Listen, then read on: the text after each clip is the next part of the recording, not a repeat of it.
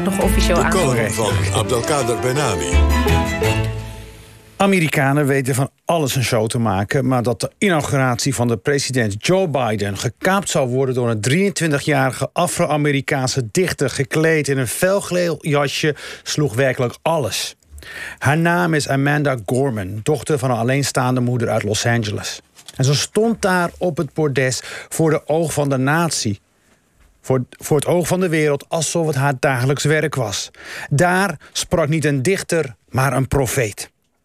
Als u het heeft gemist, kijkt u dan vooral haar optreden terug. Ja, het is in het Engels, maar laat u betoveren door het ritme van de taal. U voelt wat zij bedoelt en zij voelt u. Haar gedicht dat de liefde als een handreiking presenteert en ons eraan herinnert wat we zijn kwijtgeraakt, namelijk het vermogen om de ander te zien. En Gorman herinnert ons er ook aan dat we door een gezamenlijke inspanning een hatelijke geschiedenis kunnen overwinnen. En ze zegt dit voor Amerika, maar ze zegt dit voor ons allemaal. Ze doet wat een dichter moet doen. Ons even doen geloven in het onmogelijke.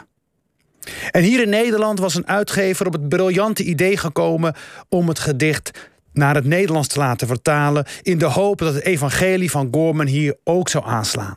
En daarvoor was een briljante schrijver aangezocht die in alles uitmuntend is.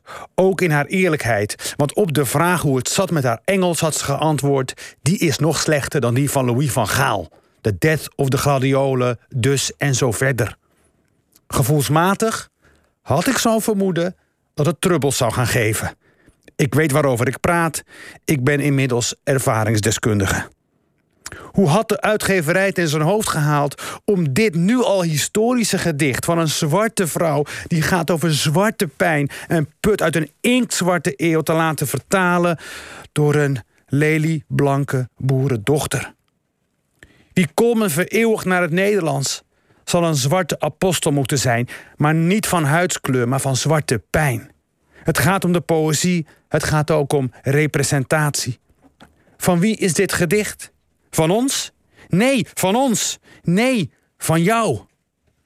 De taal van Surinaamse schrijvers als Edgar Caro en Anton de Kom zal in de vertaling te horen moeten zijn. De taal ook van de Nederlandstalige hip-hop van de multiculturele steden. De taal van de straten, de taal van Vondel. Al die talen zullen moeten klinken om recht te doen aan de taal van Tupac en van Toni Morrison en van Shakespeare. De aangezochte auteur schrok zich een hoedje en trok zich terug, helaas. Toch de dood, niet de gladiolen. Het gedicht van Coleman is verweest geraakt. Wie adopteert dit gedicht en vertaalt het alsnog? Ik stel voor dat we het allemaal vertalen. En door deze gezamenlijke inspanning te verrichten, een verdeeld verleden overwinnen. Ja, Abdelkader, bedankt. Helder. Het is, het is zo'n grote klus, zeg hij. En er staan zoveel dingen op het spel dat het eigenlijk een enorme duizendpoot moet zijn eh, die het moet gaan doen. En je won de afgelopen... Dankjewel, Jos. Net met heel veel woorden iets heel moois opgebouwd. En een conclusie. Je won de afgelopen week ook de Kaas en Kappers Jeugd Theaterprijs... voor je toneelbewerking van Hamlet. Waarover je hier ook eh, eerder vertelde. Gefeliciteerd. Dankjewel. Dankjewel, Lara. We gaan door.